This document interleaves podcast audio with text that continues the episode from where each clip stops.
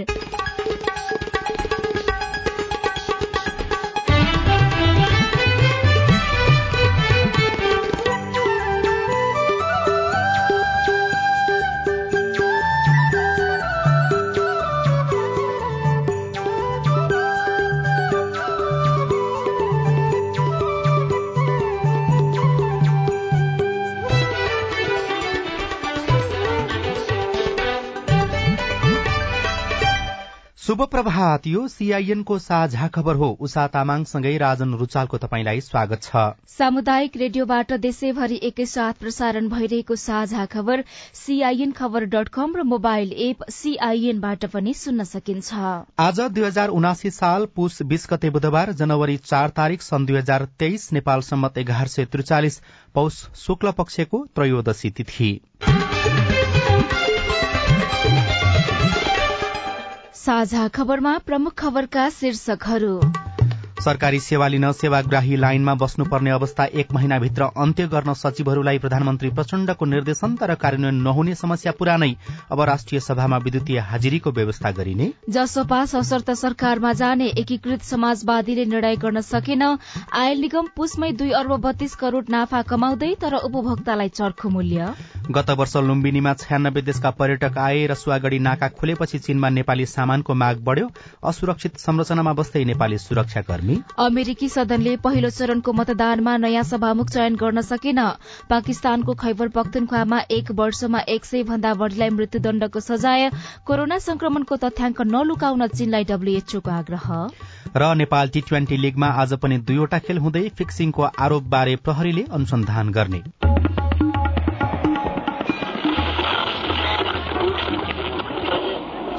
Radio. हजारौं radio कर्मी र करोड़ौं नेपालीको माझमा यो हो सामुदायिक सूचना नेटवर्क सीआईएन साझा खबरको सबैभन्दा शुरूमा प्रधानमन्त्री प्रचण्डको निर्देशन सम्बन्धी प्रसंग प्रधानमन्त्री पुष्पकमल दाहाल प्रचण्डले सरकारी सेवा लिन सेवाग्राही लाइन लाग्नुपर्ने अवस्था एक महिनाभित्र अन्त्य गर्न सरकारका सचिवहरूलाई निर्देशन दिनुभएको छ।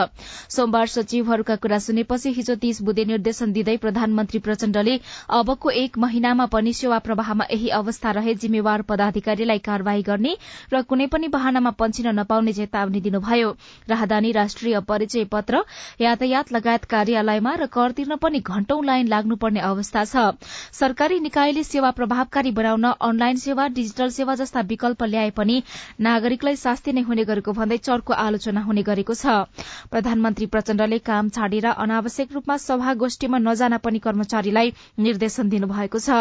सहभागी नभई नहुने मन्त्रालयको प्राथमिकताको कार्यक्रममा पनि एकजना मात्र सहभागी हुन उहाँले निर्देशन दिनुभयो। यस्ता कार्यक्रममा मन्त्रालयको आधिकारिक धारणा लिएर जाने र फर्किएपछि प्रतिवेदन दिने व्यवस्था मिलाउन उहाँले आग्रह गर्नुभयो। प्रधानमन्त्री प्रचण्डले कोरोना संक्रमण पुनः बढ़न सक्ने जोखिम रहेको भन्दै खोपको बुस्टर मात्रा तत्काल प्रबन्ध गर्न स्वास्थ्य मन्त्रालयलाई निर्देशन दिनुभयो। त्यस्तै संघीय निजामती ऐन आगामी संसदमा पेश गर्ने गरी तयारी गर्न पनि उहाँले संघीय मामिला तथा सामान्य प्रशासन मन्त्रालयलाई निर्देशन दिनुभएको छ। प्रधानमन्त्री प्रचण्डले सचिवहरूलाई मन्त्रालयगत तथा अन्य विभिन्न गरी तीस बुधे निर्देशन दिनुभएको हो। सरकारमा नयाँ नेतृत्व आएसँगै सरकारी अधिकारीसँग छलफल गर्ने र निर्देशन दिने परिपाटी रहे पनि त्यसको कार्यान्वयन कमै मात्र हुने गरेको छ। प्रधानमन्त्री र मन्त्रीले निर्देशन दिने तर कार्यान्वयन नहुने अवस्था किन कायमै छ भनेर हामीले नेपाल सरकारका पूर्व सचिव तथा लोकसेवा आयोगका पूर्व अध्यक्ष उमेश प्रसाद मैनालीलाई सोधेका छौं। यसो हो त्यो हरेक नयाँ सरकारले आफूलाई जनप्रिय देखाउनको लागि सुरुमा अलि महत्वाकांक्षी कार्यक्रमहरू प्रस्तुत गर्छन् तर त्यसको कार्यान्वयनको लेखाजोखा नै नगरी गरिएको हुन्छ। पहिलो कुरो। दोस्रो कुरो स्वयं त्यो नयाँ कार्यक्रम ल्याउने सरकारका पात्रहरू नै पछि गएर त्यसको लागि सिन्सियर हुँदैन। विविध कारणले सिन्सियर हुँदैनन् र त्यो डेभिएट हुँदै जान्छन् त्यसबाट। त्यसैले गर्दाखेरि यो कस्तो भइसक्यो त भने कुनै पनि नयाँ सरकार नयाँ दलले कुनै नयाँ कार्यक्रम ल्यायो भने यो चाहिँ देखाउनको लागि हो भन्ने जनतामा परिसकेको छ कि? नयाँ सरकार आएपछि नयाँ नयाँ निर्देशन दिने तर कार्यान्वयन नहुने र यसबारे अनुगमन गर्ने संयन्त्र पनि नहुँदा थप समस्या हुने गरेको छ। संसदमा बाह्र सीट रहेको जनता समाजवादी पार्टी जसपा नेपालले सशर्त सरकारमा जाने निर्णय गरेको छ भने दश सीट रहेको एकीकृत समाजवादी पार्टी भने अझै अनिर्णित अवस्थामा रहेको छ। मंगलबार जसपाको राजनैतिक समितिको र एकीकृत समाजवादीको पोलिट ब्यूरो बैठक बसेका थिए। पार्टी कार्यालय बालकुमारीमा बसेको जसपाको राजनैतिक समिति बैठकले सरकारमा नीति तथा कार्यक्रम तथा शक्ति बाँडफाँडको आधारमा सहभागी हुने अन्यथा बाहिरबाटै समर्थन गर्ने निर्णय लिएको छ। पार्टी कार्यालय मीन भवनमा बसेको एकीकृत समाजवादीको पोलिट ब्यूरो बैठकले भने सरकारमा जाने नजाने निर्णय गर्ने अधिकार केन्द्रीय सचिवालयलाई दिइएको छ। जसपा प्रवक्ता मनिष सुमनले सरकारको नीति तथा कार्यक्रममा पार्टीको मुद्दा सम्बोधन र त्यसपछि सम्मानजनक शक्ति बाँडफाँड हेरेर सरकारमा जाने निर्णय भएको बताउनु भएको छ। यसैबीच जसपाले विभिन्न दल तथा संगठनहरूसँग एकता सहकार्य र गठबन्धनसँग वार्ता गर्नको लागि पार्टीका नेता राजेन्द्र श्रेष्ठको संयोजकत्वमा तीन सदस्यीय समिति समेत बनाएको छ। समितिको सदस्यहरूमा रकम चेम्जोङ र गोविन्द चौधरी हुनुहुन्छ। समितिले शुरूमा गठबन्धनसँग सहकार्यका विषयमा वार्ता अघि बढ़ाउने तयारी गरेको संयोजक श्रेष्ठले बताउनु भएको छ। त्यसै गरी एकीकृत समाजवादीको पोलिट ब्यूरो बैठकले पार्टी एकता र राजनैतिक मोर्चा निर्माण गर्ने सम्बन्धमा निर्णय गर्ने अधिकार सचिवालयलाई दिएको छ। माओवादी र जसपासँग एकता वा मोर्चा निर्माण सम्बन्धी छलफल चले पनि ठोस प्रक्रिया अगाडि बढ़िसकेको छैन। अन्य साना वामपन्थी समाजवादी दललाई पार्टीमा भित्राउने समाजवादीको नीति रहेको छ। माओवादी र एमालेसँग भने यथास्थितिमा एकता वा मोर्चा सम्भव नभएको समाजवादीका नेताले बताउँदै आएका छनृ। राष्ट्रिय सभामा सांसदहरूका लागि विद्युतीय हाजिरीको व्यवस्था गरिएको छ। आउँदो सोमबारबाट हुने अधिवेशनदेखि नै विद्युतीय हाजिरी गराउन संसद सचिवालयका राष्ट्रिय सभा सदस्यहरूले बायोमेट्रिक लिन शुरू गरेको छ। विद्युतीय हाजिरीले समयमै आउने र नआउने सांसदहरूको पहिचान हुनेछ। सांसदले हाजिर गरेपछि एक हजार बैठक भत्ता र एक हजार यातायात खर्च पाउने व्यवस्था छ। संसदको नियमावलीमै विद्युतीय हाजिरीको प्रावधान रहे पनि पदाधिकारीले नचाहेकै कारण कार्यान्वयनमा आउन सकेको थिएन। प्रतिनिधि सभामा यसअघि सांसदहरू बैठक सकिएपछि हाजिर गर्न संसद भवन जाने गरेका थिए। केही सांसदले बैठकमा हाजिर छुटेको भन्दै भोलिपल्ट हाजिर गराउन सचिवालयका कर्मचारीलाई दबाव दिने गरेका थिए। राष्ट्रिय सभाले यसअघि बैठक सकिए लगत्तै सांसदहरूको हाजिरी वेबसाइटमा राख्ने गरेको थियो। सर्वसाधारणले प्रतिनिधि सभाका सांसदको हाजिरी सहजै हेर्न पाउँदैनन्। प्रतिनिधि सभाले विगतको जस्तै कागजी हाजिरीलाई नै निरन्तरता दिने भएको छ। सचिवालयले प्रतिनिधि सभा बैठक शुरू हुनुभन्दा आधा घण्टा अघि र बैठक सकिएको आधा घण्टासम्म संसद भवनमै हाजिर पुस्तिका राख्ने गरेको छ। हाजिरी पुस्तिका बैठक बसेको दिन अन्तर्राष्ट्रिय सम्मेलन केन्द्रमै छाडेर भोलिपल्ट मात्रै सिंहदरबार स्थित सचिवालयमा ल्याउने गरिएको छ। राष्ट्रपति विद्यादेवी भण्डारी र उपराष्ट्रपति नन्दबहादुर पुनको कार्यकाल सकिन लाग्दा नयाँ को आउलान् भन्ने चासो र चर्चा पनि बढ़दै गएको छ। राष्ट्रपति एमालेबाट बन्ने निश्चित छ तर को हुने टुंगो लागिसकेको छैन। उपराष्ट्रपतिमा माओवादी केन्द्रको दावी छ तर जनता समाजवादी पार्टीले पनि आकांक्षा देखाएको छ। दुई पटक मात्रै राष्ट्रपति हुन मिल्ने संवैधानिक व्यवस्थाका कारण उहाँ निरन्तर हुने सम्भावना छैन। अहिलेको राष्ट्रपतिको अब कार्यकाल सकिँदैछ।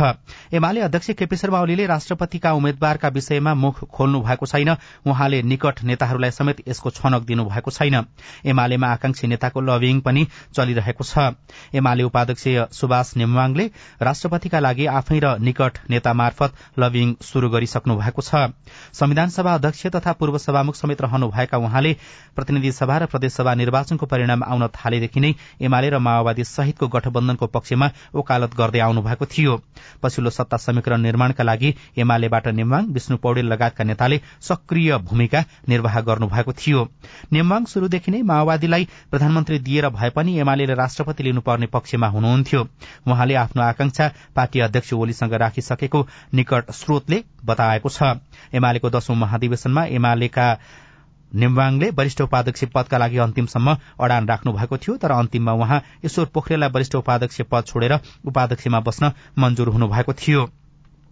सांसद मध्ये नेवाङ प्रमुख दावेदार देखिनु भएको छ तर पार्टीको एक सीट घट्ने तर्कसहित एक थरी नेताले गैर सांसद पोखरेलको नाम अघि बढ़ाएको पनि ईश्वर पोखरेलको नाम अघि बढ़ाएको पनि बताइएको छ। चुनावमा त्याग गरेकाले अष्टलक्ष्मी साक्यलाई अघि सार्नु पक्ष सार्नुपर्ने मत पनि कतिपयले जाहेर गरेका छन्। यसैबीच नयाँ सत्ता समीकरण बनाउने बेलामा एमाले राष्ट्रपति र सभामुख तथा माओवादीले प्रधानमन्त्री पद लिने सहमति भएको थियो। सत्ता साझेदार दलले शक्ति बाँडफाँडका अन्य पदमा पनि भागभण्डा गर्न बाँकी नै रहेको छ। उपराष्ट्रपतिमा माओवादीले मुख्य दावी गर्दै आएको छ तर प्रधानमन्त्रीमा दाहाललाई समर्थन गरेको जसपाले सरकारमा जान उपराष्ट्रपति पद दावी गरिरहेको छ। माओवादीबाट कृष्ण बहादुर महरा एनके प्रसाई जयपुरी घरती ओनसरी घरती र दिनानाथ शर्माको नाम अगाडि देखिएको छ भने जसपाबाट राम सहाय प्रसाद यादवलाई उपराष्ट्रपति बनाएर उपनिर्वाचनमा आफू चुनिने रणनीति अध्यक्ष उपेन्द्र यादवको रहेको कान्तिपुर दैनिकमा खबर छ।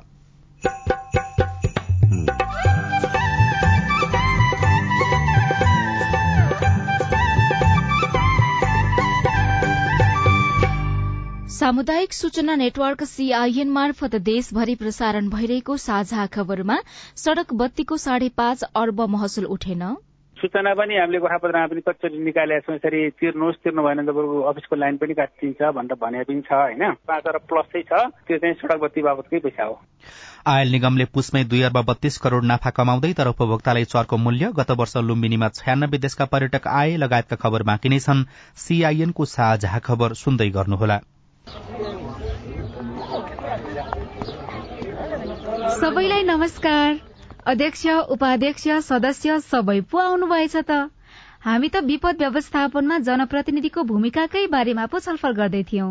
अनि के छ निष्कर्ष सुनौ न त?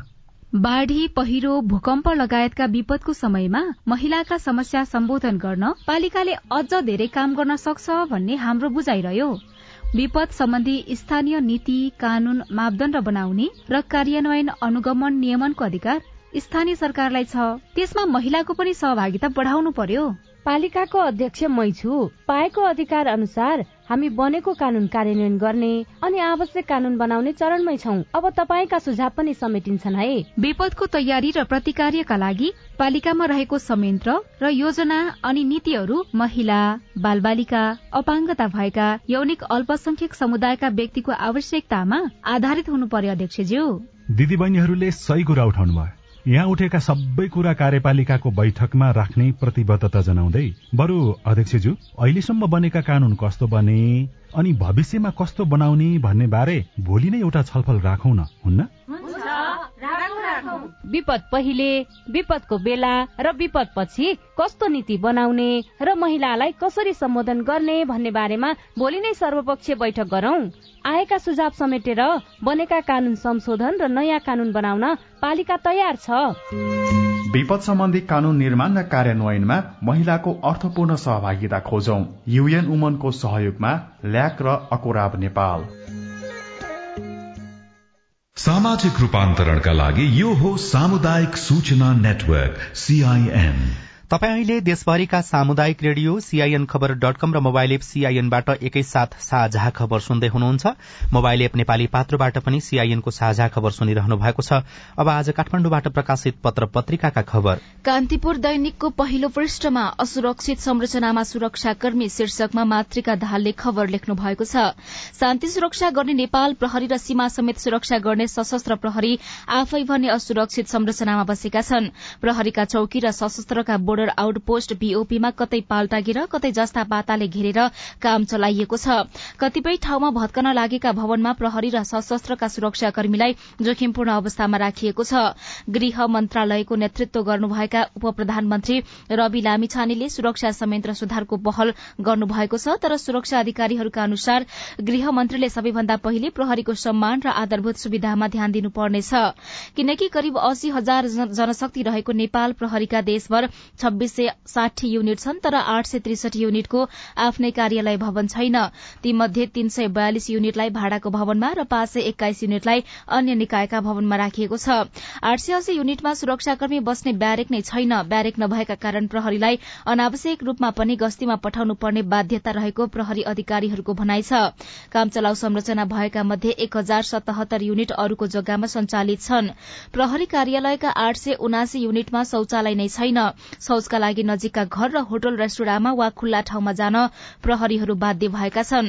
शौचालय मात्र होइन प्रहरीका लागि भान्सा सुत्ने कोठा र कार्यालय समेतको भरपर्दो व्यवस्था छैन।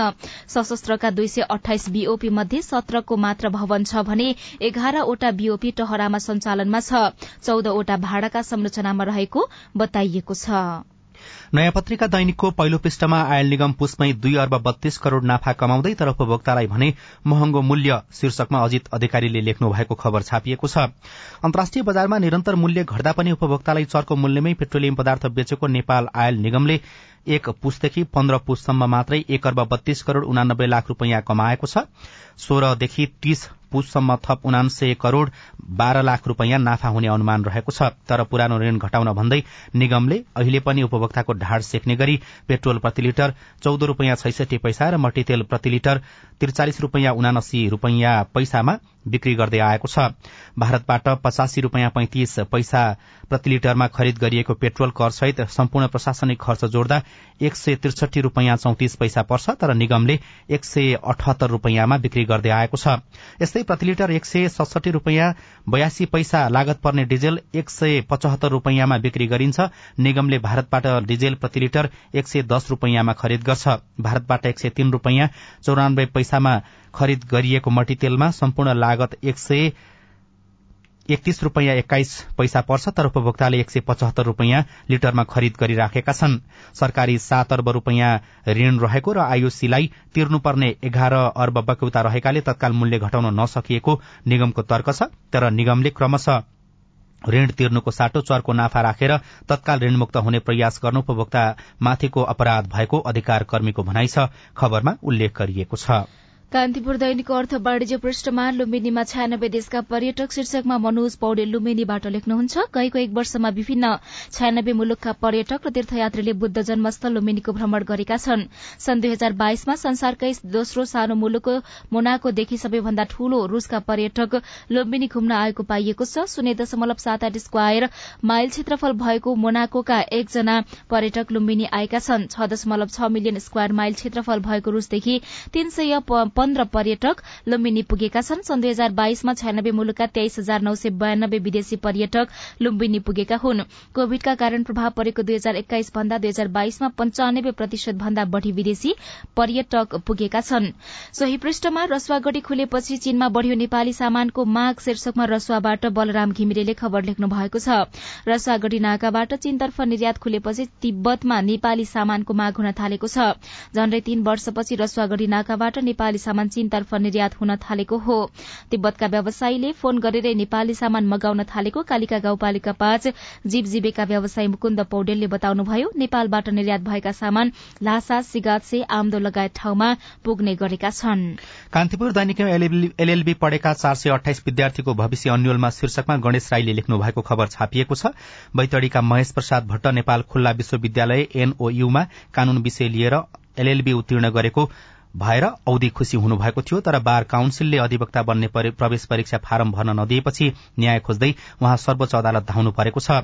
एनओयूले स्नातक उत्तीर्णलाई तीन वर्षीय एलएलबी अध्ययन गर्न पाउने प्रावधान राखेको छ। स्नातक उत्तीर्ण गरेका भट्टले दुई हजार पचहत्तरमा एनओयूले लिएको एलएलबी प्रवेश परीक्षा पास गर्नुभएको थियो।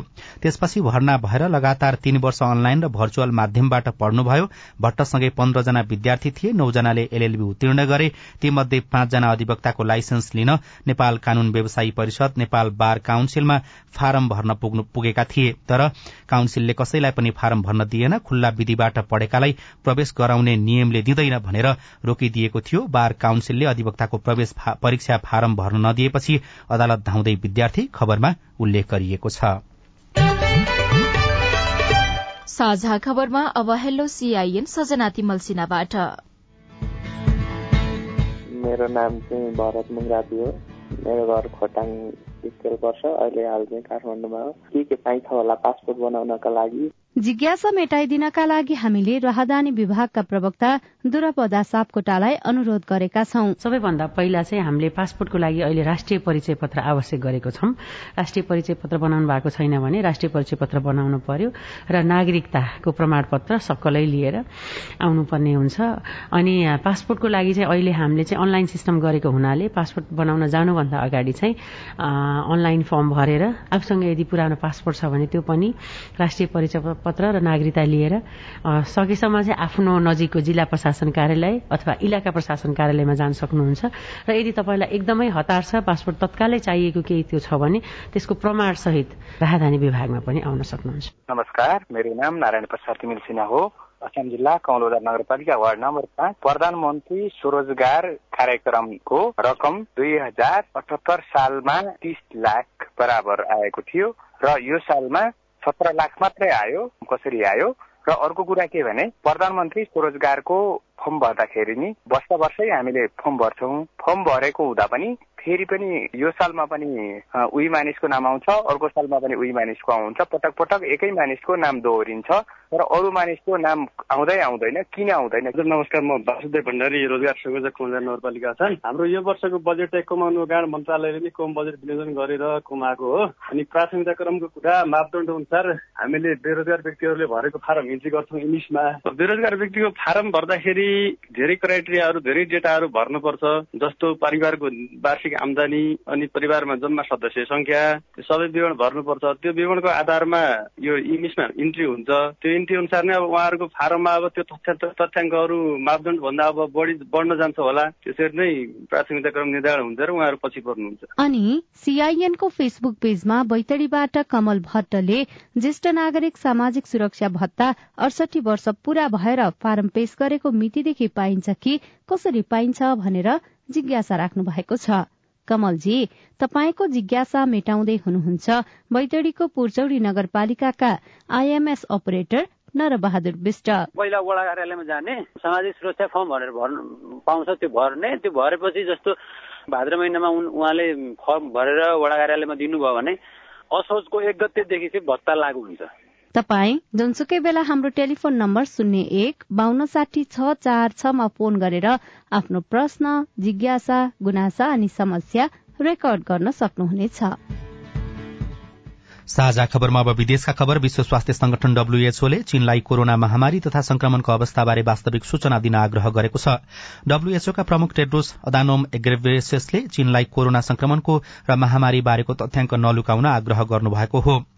अमेरिकी सदनले पहिलो चरणको मतदानमा नयाँ सभामुख चयन गर्न नसकेको बीबीसीले जनाएको छ। एक शताब्दीमा पहिलो पटक संयुक्त राज्य अमेरिकाको प्रतिनिधि सभाले पहिलो चरणको मतदानमा सभामुख चयन गर्न असफल भएको हो। पाकिस्तानको एउटा प्रान्त खैबर पख्तुनवामा सन् दुई हजार बाइसमा मात्र एक सय जना भन्दा धेरैलाई मृत्युदण्डको सजाय सुनाइएको छ। पाकिस्तानका संचार माध्यमका अनुसार सो प्रान्तमा अदालतले सन् दुई हजार बाइसमा एक सय भन्दा बढ़ीलाई मृत्युदण्डको सजाय सुनाएसँगै सजाय पाएर मृत्युदण्ड पर्खिरहेकाहरूको संख्या चार सय पचास नागेको छ। यसैबीच आर्थिक संकट बढ़दै गएपछि पाकिस्तानले सपिङ मल तथा बजार चाँडै बन्द गर्ने भएको छ। पाकिस्तानको मन्त्री परिषदको निर्णय अनुसार नयाँ ऊर्जा बचत योजना अन्तर्गत पसलहरू बेलुका साढे आठ बजे र रेस्टुरेन्टहरू दस बजेभित्र बन्द गरिने भएको हो। साझा खबरमा अब खेल खबर। शुरू नहुँदैदेखि विवादमा तानिएको नेपाल टी ट्वेन्टी लीगबारे फेरि अनेकौं प्रश्न उठेका छन्।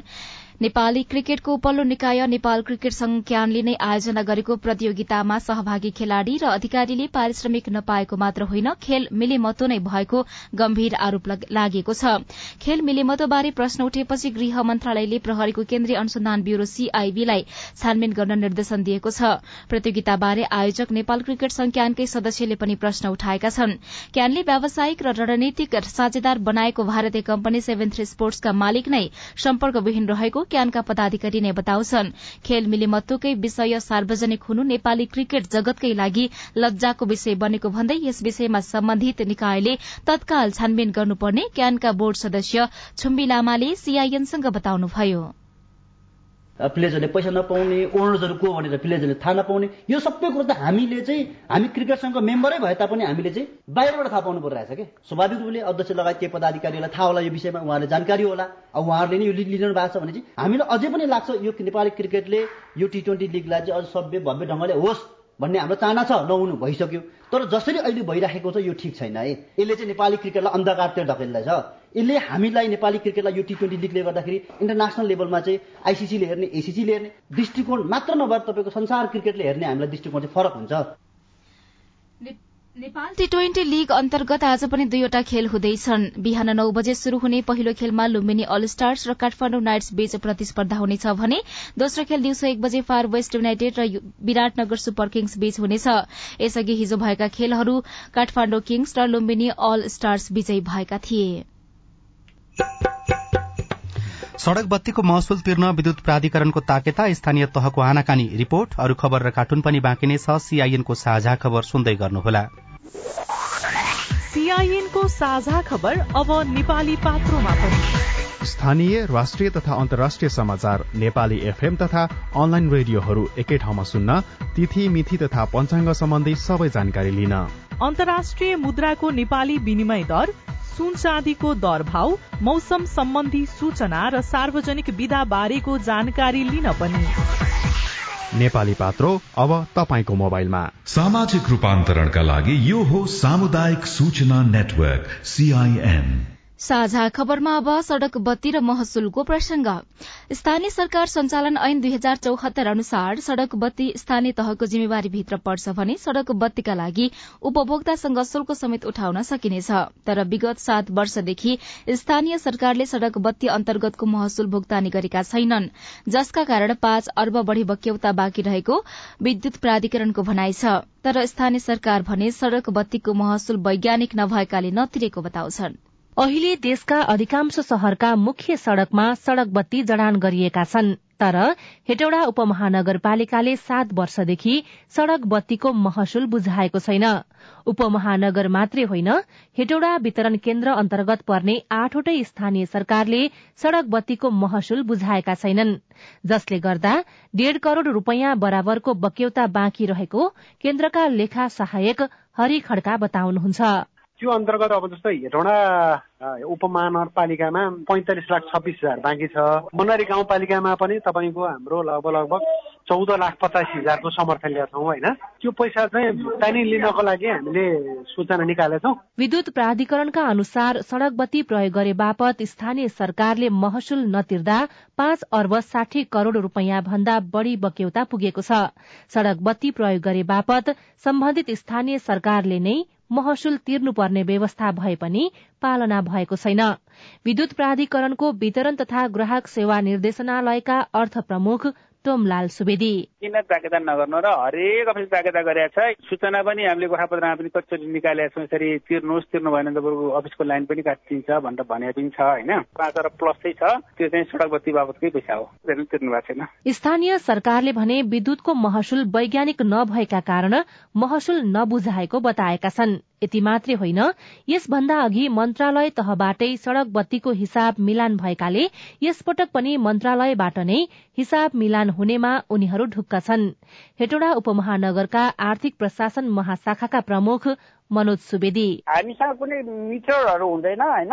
मिटरहरू हुँदैन अब सडकमा कहाँ हालेको छ त्यो महसुल निर्धारणको अलिक वैज्ञानिक आधार नभएर हो। तिरेर नि परिपाटी हामीले त यहाँ चेक काटेर अहिलेसम्म दिएको छैन।